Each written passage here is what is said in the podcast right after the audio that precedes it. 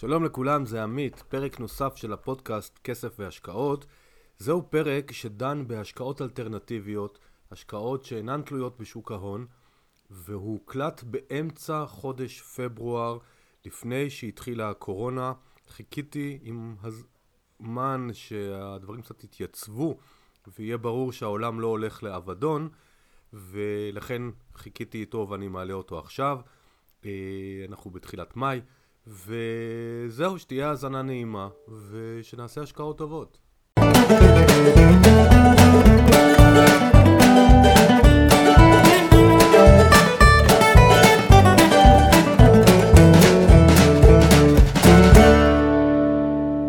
שלום לכולם, כאן עמית מהפודקאסט כסף והשקעות, תודה שבאתם להקשיב לפרק נוסף.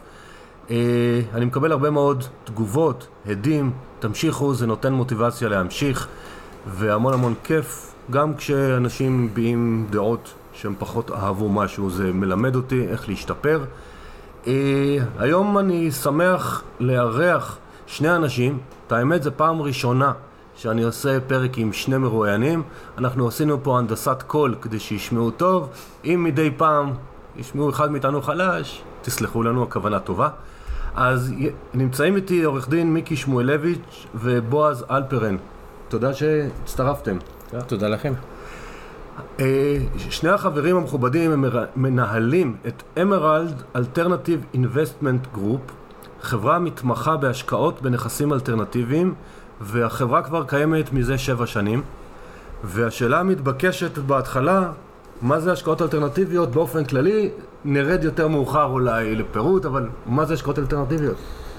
השקעות אלטרנטיביות, קודם כל, זה השקעות שאין להן אה, קורולציה לשווקים הרגילים. זה השקעות שהן שונות מהמשקעות, מההשקעות שאנחנו רואים אותן כמסורתיות, שזה מניות ואגרות חוב. בועז, אתה חושב שההגדרה הזאת מתמצתת, ואז נעבור לדוגמאות? ההגדרה מתמצתת, הייתי אולי מרחיב ואומר שאת העולם של ההשקעות האלטרנטיביות, אה, בגדול אנחנו נוהגים לחלק לשני סוגים של אה, השקעות. אה, השקעות שהן השקעות בנכסים אלטרנטיביים והשקעות שהן באסטרטגיות אלטרנטיביות. אסטרטגיות אלטרנטיביות זה השקעות של גופים כמו קרנות גידור, שבעצם משקיעות בתוך שוק ההון, אבל עושות את זה בצורה שונה. או במסחר מהיר, מסחר איטי, מסחר עם אה, מינוף מאוד גבוה, תוך כדי לקיחת הלוואות, אה, דברים שאנחנו אה, לא מתעסקים בהם. אנחנו מתעסקים באותו חלק שנקרא נכסים אלטרנטיביים, שהם נכסי השקעה שאין להם שום קשר לשוק ההון, לא במישרין ולא בעקיפין, וזה התחום שבו אנחנו מתמקדים בעשייה שלנו. אז אולי חלק מהמאזינים שלנו פחות מכירים את המושג קורלציה לשוק ההון, אז מה שאני אשמח אם תספרו קצת, תסבירו דוגמה על נכס אחד שלכם, כרגע יש לכם רבים, אבל אנחנו אחרי זה נפרט עוד, אבל נכס אחד, ובאותה נשימה תסבירו למה אין לו בעצם קורלציה לשוק ההון. אוקיי. Okay. אה, uh, קורלציה לשוק ההון, הכוונה, קורלציה זה מתאם, כן?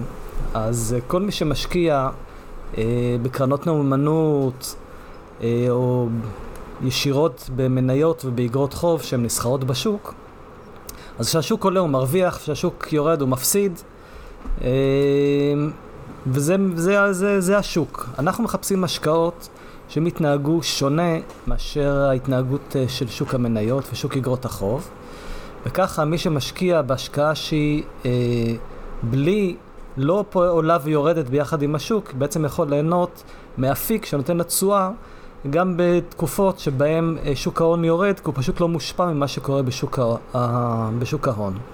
לדוגמה, אם נתתי הלוואה לחברה, והחברה אה, מבצעת איזשהו פרויקט ומתחייבת להחזיר לי בטווח של שנה, שנתיים, שלוש, אה, ריבית מסוימת ואת קרן ההלוואה בסוף, שוק המניות ושוק אגרות החוב יכול באותה תקופה לעלות או לרדת, אנחנו לא יודעים, אבל יש לי ביטחון רב שאותה חברה אה, תשלם לי את הריבית שלי, ובעצם יש לי איזושהי תשואה שלא קשורה למה שקרה בשוק ההון באותה תקופה. האם כוונתך למה שבמוצר האחרון, מה שנקרא קרן חוב? זה יכול להיות גם בצורה של אה, קרן חוב, שבעצם קרן שנותנת אה, הלוואות, או בהלוואות ישירות לחברות בחו"ל.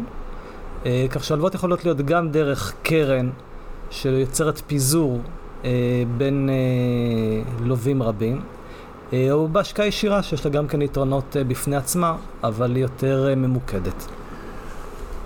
אז יבוא המשקיע שמאזין לנו, שהוא עוד לא משקיע, אבל הוא, זה נש... מתחיל להישמע לא מעניין, והוא יגיד, רגע, אתה נותן לזה הלוואה לאיזה חברה, לאיזה קרן, מה הביטחונות שלי? אני הרי מפחד, אני לא מכיר, אני לא יודע. איך מרגיעים אותו? כמובן שכל הלוואה שניתנת אה, על ידי הקרן לחברות, אה, זאת הלוואה שהיא מגובה בנכסים. כך שבמקרה ויש בעיה בהחזר ההלוואה, יש נכסים בידי הקרן שאותם אפשר לממש וכך להחזיר את החוב. כמובן שהקרן גם נותנת אה, מספר ניכר של הלוואות ללווים שונים, כך שיש אה, פיזור אה, די נרחב.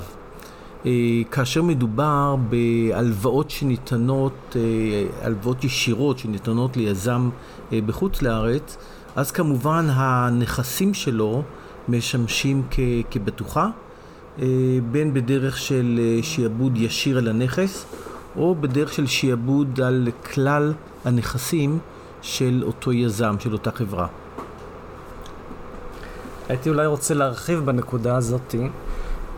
קרנות שנותנות אה, הלוואות אה, ולוקחות ביטחונות, אה, הן גם משתמשות בביטחונות האלה. כי מטבע הדברים, כשנותנים הלוואות לכמה עשרות חברות, חלק מהחברות, אחוז מסוים, באיזשהו שלב עלול להתקשות בהחזר ההלוואה.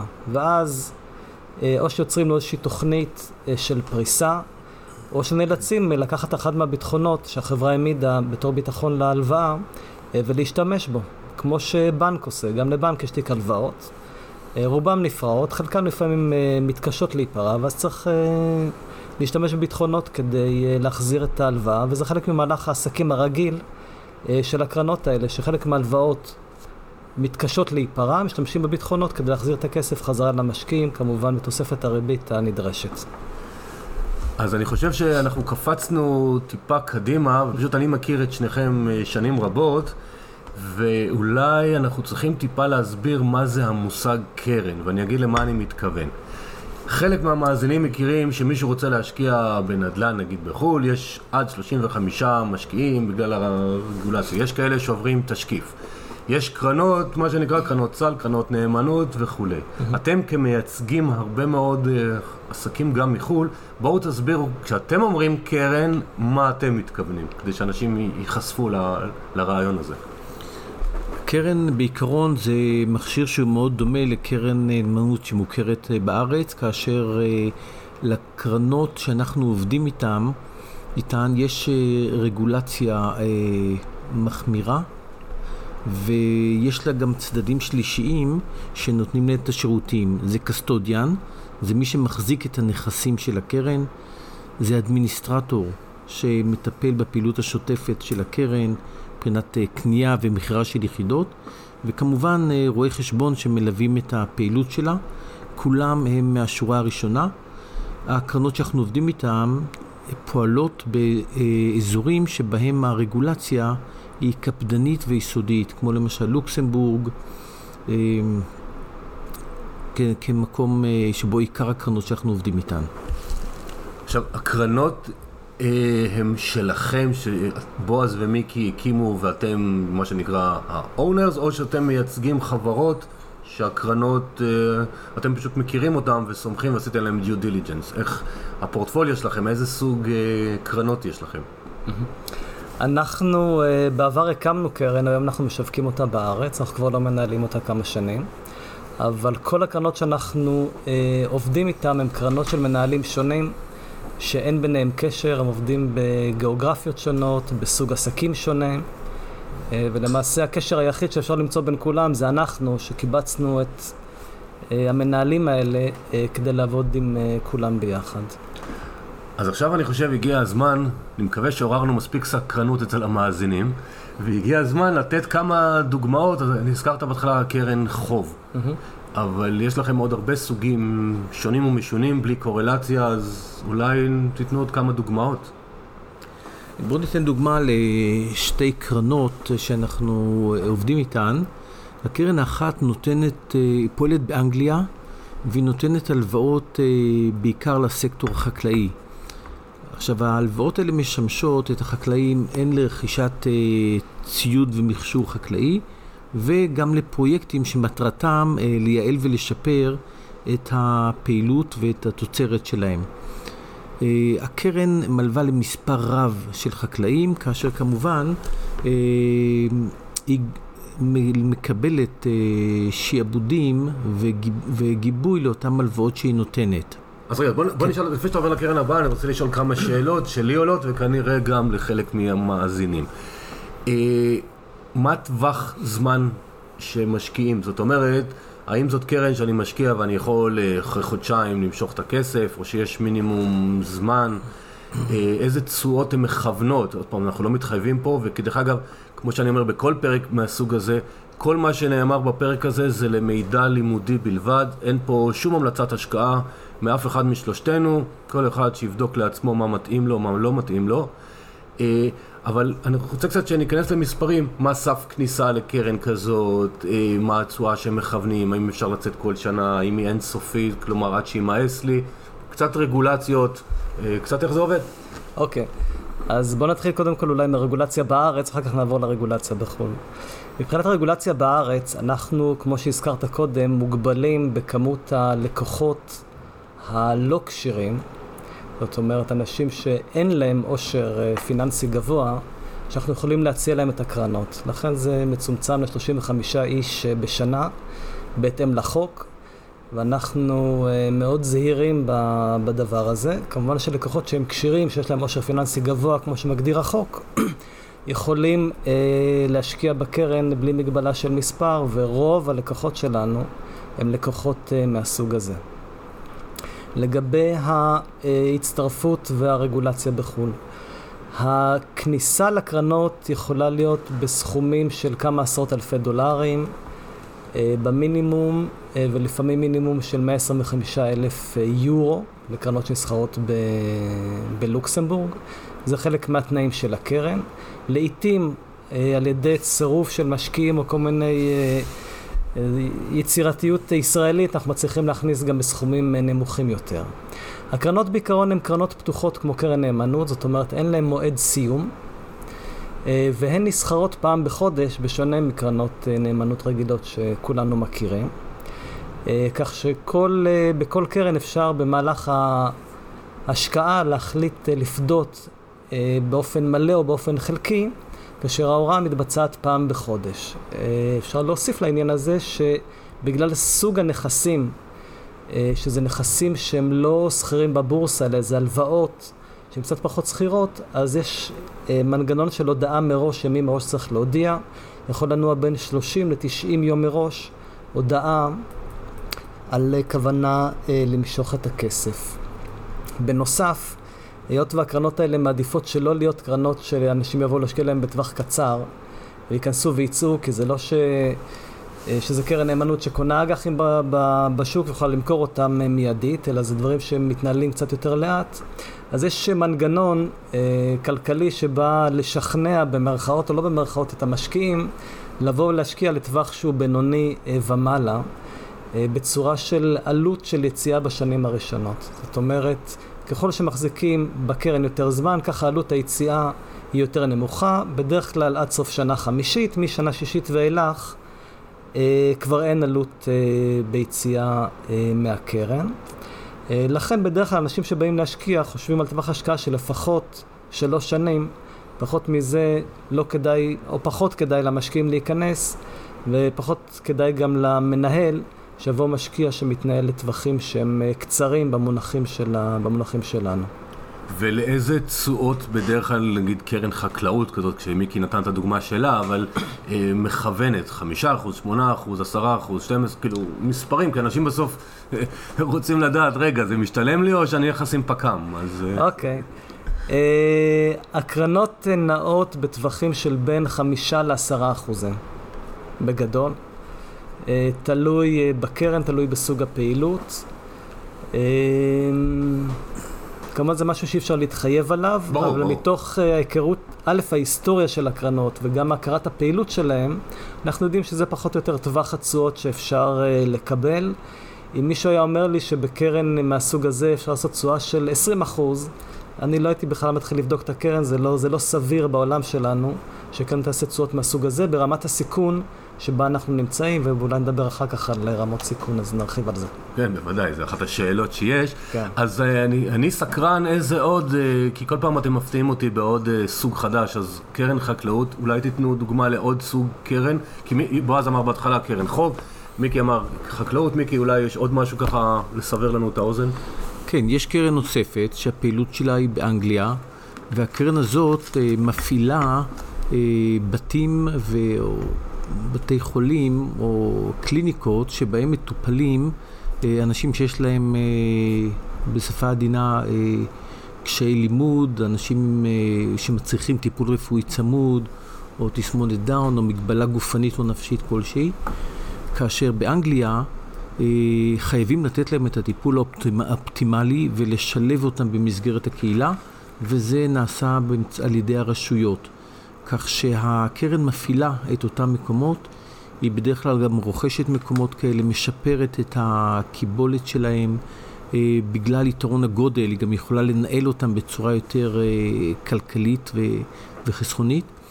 וזה סוג של פעילות שעל נזקקים לה בכל עת, ואין לה שום אה, קשר לתנאי שוק. כאן ניתן לצפות לסדר גודל של כעשרה אחוז, כשהוא נובע מהפעילות הרגילה אה, הטיפולית אה, שמתבצעת במקום, והתקבולים שמתקבלים בגינה. אה, ניתן גם לצפות ליותר, כי הקרן הזאת היא לפעמים מוכרת את הפורטפוליו אחרי שהכניסה. שינויים והליכי ייעול, ולכן יש גם רווח שנובע מהפעילות הזאת. יפה. אז עכשיו אני רוצה רגע, מה שאני בדרך כלל עושה בהתחלה, אבל היום דווקא רציתי לעשות את זה באמצע, איזשהו זום אאוט, שתספרו לנו כל אחד קצת את ה... איך בעצם הגעתם לזה, כי הרי אתם שבע שנים, אה, אתם בערך בגילי, פלוס מינוס, אה, בועז כנראה יותר צעיר, מיקי קצת אז כלומר, כבר עברתם הרבה דרך אה, בעולם ה... של המבוגרים. איך הגעתם להשקעות אלטרנטיביות? מזה שבע שנים, זה... באתם לאנשהו, איך... מאיפה באתם ולמה? ואיך הגעתם לזה? איפה באתם לבטן? איפה באתם ל alternative? כן. כן, אני שהייתי בדרום אפריקה כ-15 שנה, בין היתר למטרות לימודים, עשיתי שם תואר שני במשפטים, אני הרציתי באוניברסיטה, התקדמתי קצת לקראת הדוקטורט, ושם נחשפתי לנושא הזה של השקעות אה, בחו"ל, מבחינת אפיקי השקעה, מבחינת מכשירי אה, השקעה, וגם חשיפה לאותו עולם אלטרנטיבי של השקעות שהן מחוץ לקופסה ושונות ממה שאנחנו מכירים. והייתי כנציג בישראל של חברת ייעוץ בינלאומית, והתמקדתי ה... בתחום הזה של הדברים האלטרנטיביים אה, ששונים מההשקעות המסורתיות. אה, אני בא מהתחום של, אה, של שוק ההון. אני 26 שנה, אה, לפני 26 שנה התחלתי לעסוק באופן מקצועי בהשקעות. עבדתי בעיקר בגופים מוסדיים. כמו שציינת, כבר עברתי כמה וכמה עליות ומורדות בשוק.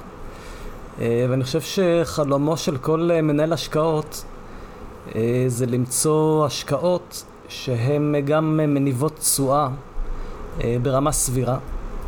אה, וגם לא מתנהלות בדומה למה שקורה בשוק, כי תמיד רוב הנכסים נמצאים, אה, נמצאים בשוק ההון, באגרות חוב במניות, יכול להיות בארץ, יכול להיות בחו"ל, אבל אה, בשונה מהעבר שעוד היה איזשהו שוני יותר משמעותי בין שווקים ובין השווקים בארץ ובחו"ל, היום רוב השווקים עולים ויורדים ביחד, כי העולם נהיה גלובלי וכולם מתנהלים באותה צורה. יש הבדלים עדיין בין אה, מדינה כזו או אחרת, אבל בגדול המתאם הוא מאוד מאוד גבוה. אה, ואז כשבעצם גיליתי את הנושא של אה, השקעות, מה שנקרא אלטרנטיביות, כאלה שהן לא בשוק ההון, אז זה כמובן מאוד עניין אותי. זה קרה בתקופה שבכל העולם אנשים מהסוג שלי חיפשו השקעות מהסוג הזה. אנחנו רואים כבר עשר שנים, אם לא יותר, שכל הגופים המוסדיים בעולם, גם בארץ דרך אגב, אה, הולכים ומגדילים את שיעור הנכסים שלא מושקעים בשוק ההון, אלא מושקעים בנכסים אחרים. החל בנדל"ן, דרך קרנות חוב, דרך קרנות של private equity, קרנות הון סיכון, מחפשים להביא תשואה ממקומות שהם לא בתוך השוק, כי כשהשוק עולה כולם שמחים, וכשהשוק יורד מחפשים את הדברים שימשיכו אה, לתת תשואה. כך שבעצם אה, אנחנו רכבנו על המגמה העולמית אה, שקיימת, רק שבארץ, הייתי אומר שהמשקיעים בארץ היו קצת בדיליי או באיחור על מה שקורה בעולם, והייתה לנו הזדמנות להביא לארץ דברים שבעולם היו כבר יחסית מפותחים ולהציע אותם למשקיעים פה בארץ. ויש איזושהי קרן ישראלית ש... לא, לא מייצגת, אלא ממש פועלת כמו שנגיד החקלאות או בתי החולים. יש איזושהי קרן בארץ שהמשקיע יכול להשקיע בה? או שבארץ אף אחד לא הקים מוצר כזה? תראה, בארץ אין... אה, הקרנות שעובדות בארץ פועלות בלי רגולציה. זאת אומרת, הן פועלות בתור קרנות השקעה, בתור שותפויות בדרך כלל. אה, אין את הרגולציה שקיימת בחו"ל אה, לקרנות מהסוג הזה.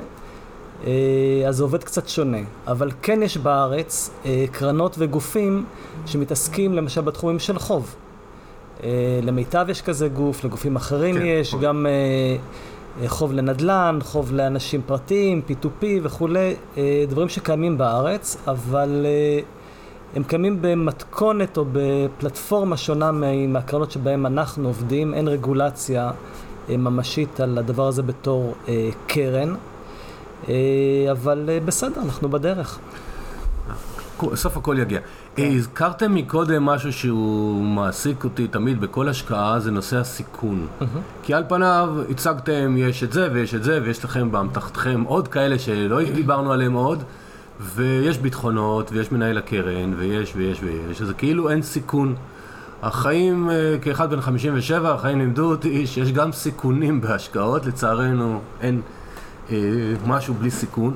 אז בואו נדבר קצת, כי אמרנו, בואו נדבר קצת על סיכון. אז איזה חשיפה יש, איזה סיכונים יש, מה, מה עלול להשתבש, ואיך פותרים את זה?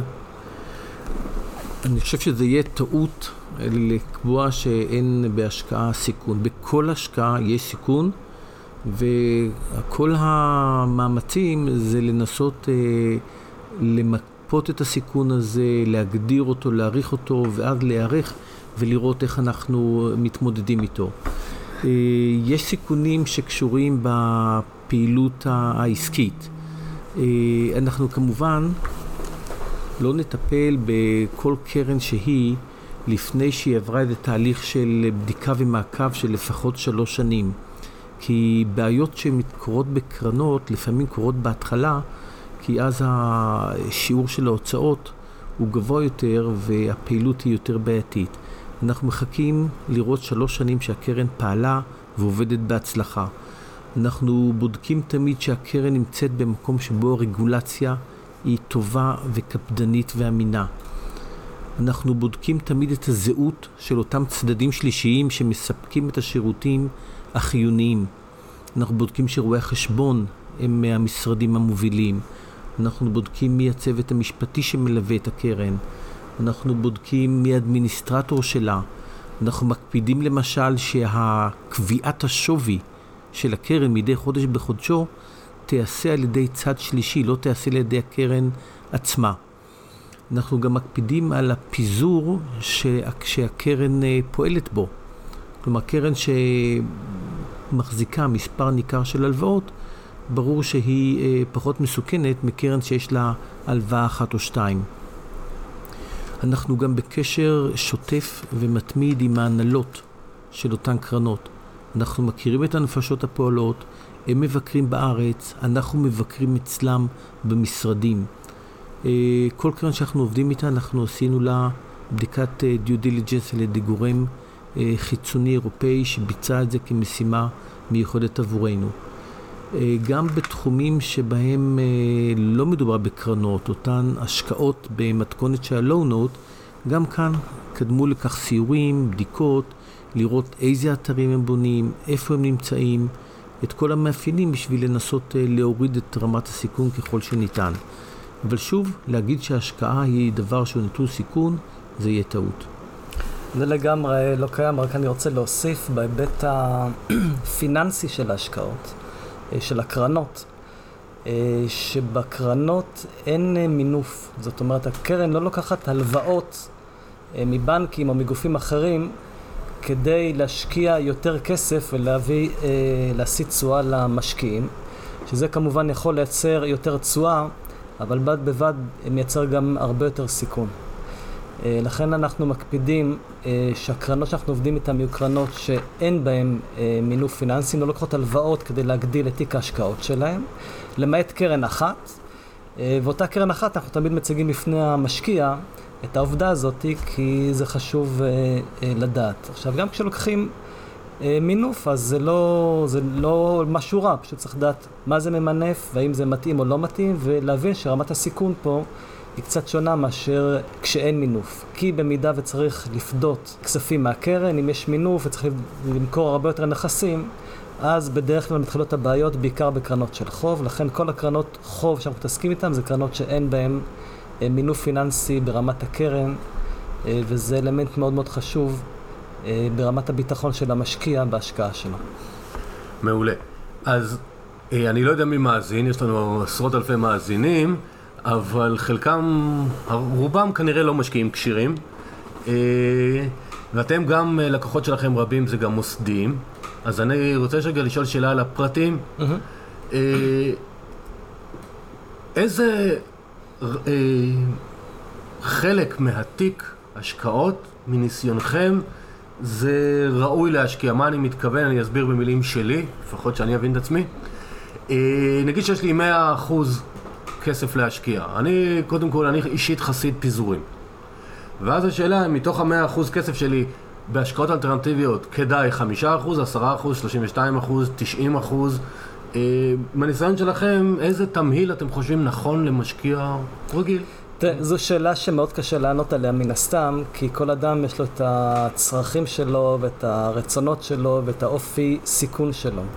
הייתי אומר שהחלק של ההשקעות האלטרנטיביות אה, מאופיין בראש ובראשונה בזה שהן קצת פחות שכירות מהשקעות שהן אה, השקעות שבשוק ההון. זאת אומרת, גם אם התחלטנו להשקיע בנדל"ן, ועכשיו צריך למכור אותו, זה לא עושים מעכשיו לעכשיו, זה עניין של תהליך, אותו דבר גם בקרנות אה, שבהן אנחנו מתעסקים. לכן השאלה הראשונה היא מה, מה צרכי הנזילות של המשקיע. אם משקיע יכול, יודע שבשלוש, חמש שנים הקרובות, בוודאות אה, לא צריך כספים מסוימים, אז כמובן שאת אותו חלק הוא יכול להקדיש להשקעות שהן לא שכירות או פחות שכירות, אה, ולקבל בהן תשואה יפה. אה, אם מישהו יודע שבטווח של שנה-שנתיים הוא צריך לקנות דירה או איזושהי הוצאה אחרת מסוימת ספציפית, שכסף מיועד לה, כמובן שאז לא מתאים בכלל להיות אה, בהשקעות אה, מהסוג הזה. בגדול אני חושב שמרכיב של אה, השקעה אלטרנטיבית יכול להיות בין 10 ל-30 אחוז מתיק השקעות, אבל בהחלט תלוי בנושא של הנזילות שנדרשת מהמשקיע. הייתי מוסיף, הייתי מוסיף ואומר שאת אותו רכיב שמחליטים שייכלל במסגרת הפורטפוליו, אם זה נאמר 15 אחוז, עדיף לחלק כלומר שלוש קרנות של חמישה אחוז כל אחת, בתחומים שונים, בפעילות שונה, באזור גיאוגרפי שונה.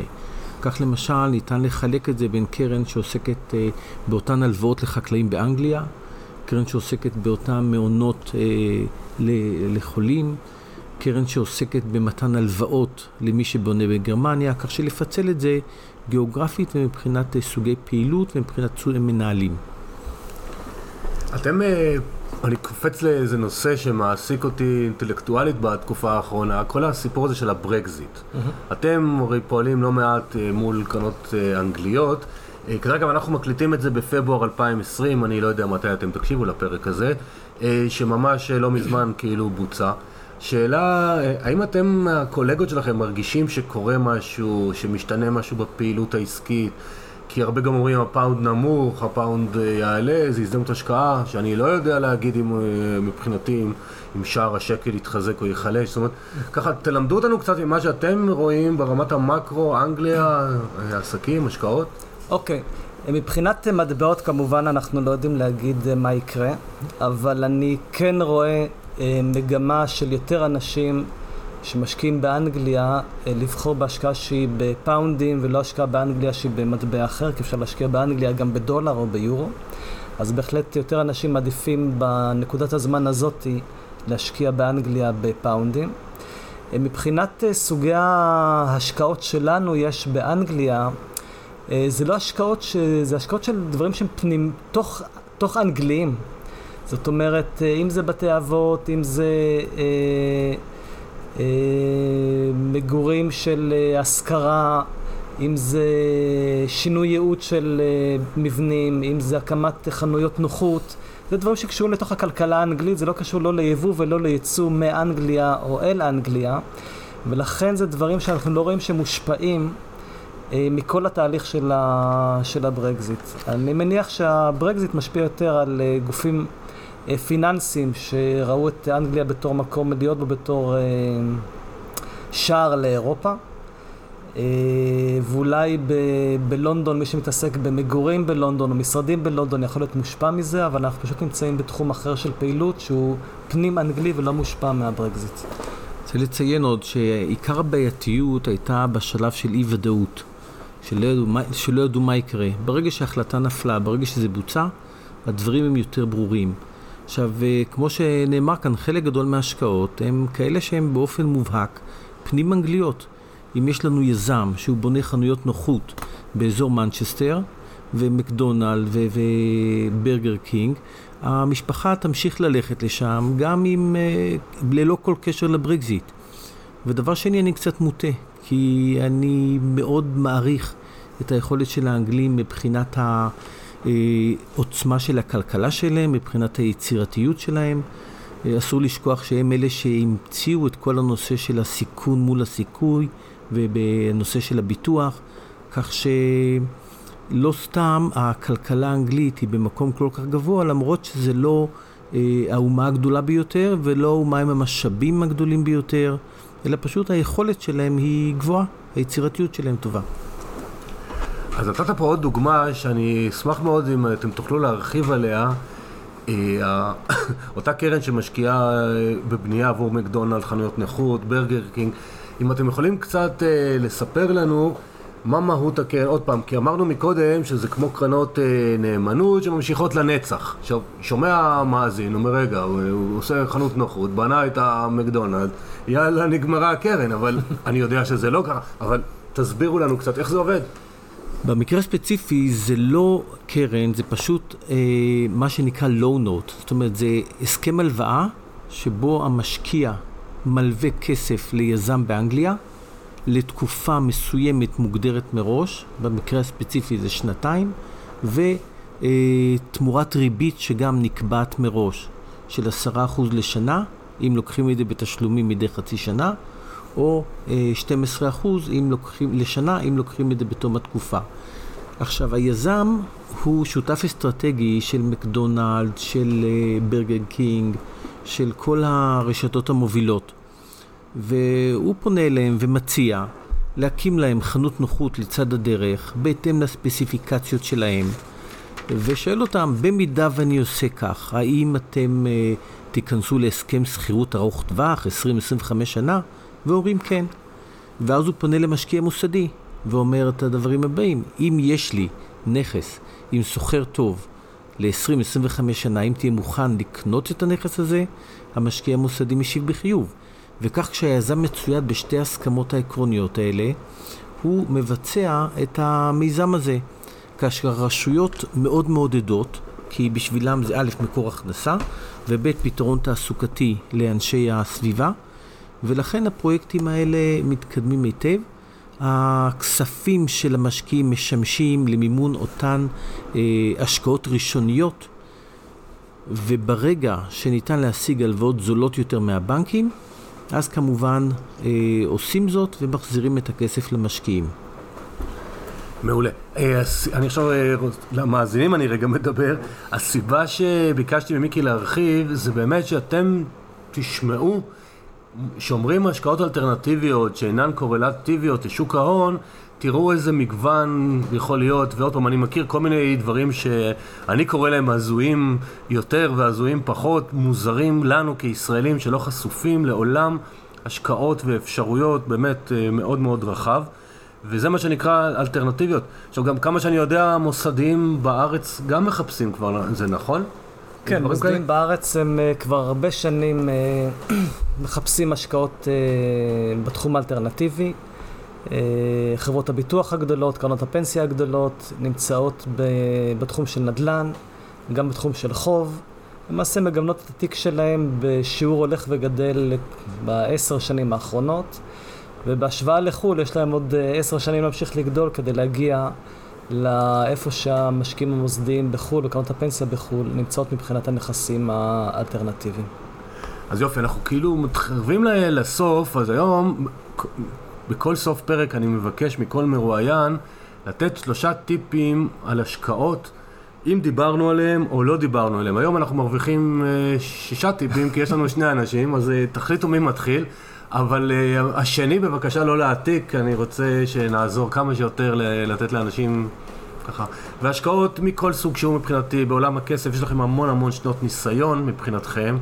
על מה כדאי לכל אחד לשים לב כשהוא בונה לעצמו תיק השקעות? טוב, כשבונים תיק השקעות הייתי אומר, הדבר הראשון זה להבין אה, לאיזה טווחים אני צריך, איזה סכום של כסף או איזה חלק מהתיק שלי אני צריך לאיזה טווח זמן. אה, זה הדבר הראשוני. בהתאם לזה אפשר לקבוע אה, מה תהיה הנזילות של הנכסים אה, ומה תהיה התשואה שאני יכול לצפות לקבל על ההשקעות שלי. כמובן שאם את רוב הכסף אני צריך לטווח קצר, התשואות הן יותר נמוכות ולהפך. דבר שני, צריך להבין מה התיאבון לסיכון שיש לי ובהתאם לזה אה, לייצר אה, תיק השקעות שמתאים לדבר הזה. פה צריך להיות כל אחד כן עם עצמו, לא להמעיט בסיכון, כי אז לא יהיה לו בסוף מספיק בסוף התקופה, וגם לא לחפש דברים יותר מדי יוצא דופן, שאם הם מאוד יוצא דופן, בדרך כלל זה מתחיל להיות חשוד. אז גם זה המרכיב השני לצורך הבנייה של התיק. דבר שלישי, אה, לבדוק טוב ולהיעזר באנשי מקצוע אה, כדי לבחור השקעות. אה, יש היום מגוון עצום של השקעות, חלקן טובות, חלקן פחות טובות, חלקן יותר מסוכנות, פחות מסוכנות, צריך לבדוק טוב ולהבין את רמות הסיכון שיש בהשקעות, כי תשואה כל אחד מבין זה דבר, זה משתנה שקל להבין אותו. אחד עשה אחוז, השני עשה שני אחוז, אז כפול ממנו, או חצי מהראשון. אה, סיכון זה נושא הרבה יותר מורכב ומסובך, צריך להתעמק בו, להבין, אה, ואז לבחור השקעות. אה, פה עבודה קלה, כמו שבמקרקעין, אז שלושת הטיפים זה לוקיישן, לוקיישן, לוקיישן, אז במקרה הזה הכלל הוא פיזור, פיזור, פיזור. מה ככה אתה פתרת לי את שלושת הטיפים? לא, אני לא אוותר לך, זה אחד. זה שלושה, שלושה במחיר של אחד. אה, בנוסף, מה שחשוב מעבר לפיזור זה קודם כל אה, הבנה יסודית של התחום שבו הולכים להשקיע, זה דבר אחד. ודבר נוסף זה בדיקה של, אה, בואו נסכם את זה, צריך לבדוק בידי מי הכסף נמצא ומה הוא עושה עם הכסף. אם ההשקעה היא הגיונית ונכונה ורמת הסיכון היא סבירה, זה דבר אחד חשוב. אלמנט שני זה מי מנהל, מה הרקורד שלו, מה הרקורד הקודם, אה, היכולות, אה, מי הצוות שמלווה אותו. אלה הדברים החשובים שצריך להתמקד בהם. מעולה. נתתם לנו שישה טיפים, הרווחנו, אה, או שמונה לשיטתך, פיזור, פיזור, פיזור, אז בכלל כן. יצאנו מרווחים, אבל זה העלה לי עוד שאלה אחרונה שלא שאלתי קודם, אה, וזה מתקשר גם לפיזור שאתה אמרת, אה, מיקי, וגם לתיאבון לסיכון סיכוי שבועז אמר, השקעה במטח. אני אגיד מה אני מתכוון. הרבה מאוד לקוחות שלי, אני רואה שכל התיק שלהם הוא בשקלים, וזה תמיד דילמה עד כמה כדאי והאם שחלק מהתיק יהיה במטבע חוץ, וכרגע לא חשוב לי אם זה קרן השקעה כזאת או קרן נאמנות כזאת, זה כרגע המכשיר לא חשוב בשאלה. חשוב לי לשמוע את דעתכם, האם כדאי שהכספים יהיו כולם במטבע של הארץ שאתה גר בהם, ואם לא, איך, איך כדאי לפזר? אני חושב שכלל בסיסי של פיזור סיכון זה שכאשר אתה נמצא במדינה מסוימת, אתה נמצא בישראל, והמשכורת שלך משולמת בשקלים, והפנסיה שלך והגמל בשקלים, והנכסים שלך משוערכים בשקלים, זה יהיה פיזור סיכון לא רע בכלל אם חלק מסוים מהפורטפוליו, מכלל העושר, יהיה מושקע במטבע אחר, בכלכלה אחרת, בתחומים אחרים. כך שכדאי לפזר את הסיכון הזה, ואולי אפילו בין כמה סוגים של מטבעות.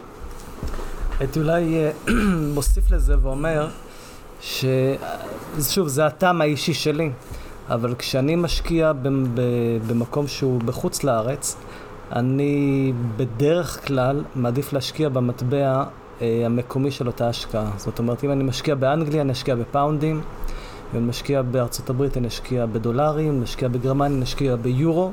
למרות שיש לי אפשרות להשקיע בגרמניה בדולרים או בפאונדים. אה, זה משהו שהוא ככה יותר טבעי מבחינת ההתנהלות של ההשקעה, וזה אחד הכללים שליוו אותי בחיים. מעולה. אז uh, תודה רבה בועז, תודה רבה מיקי.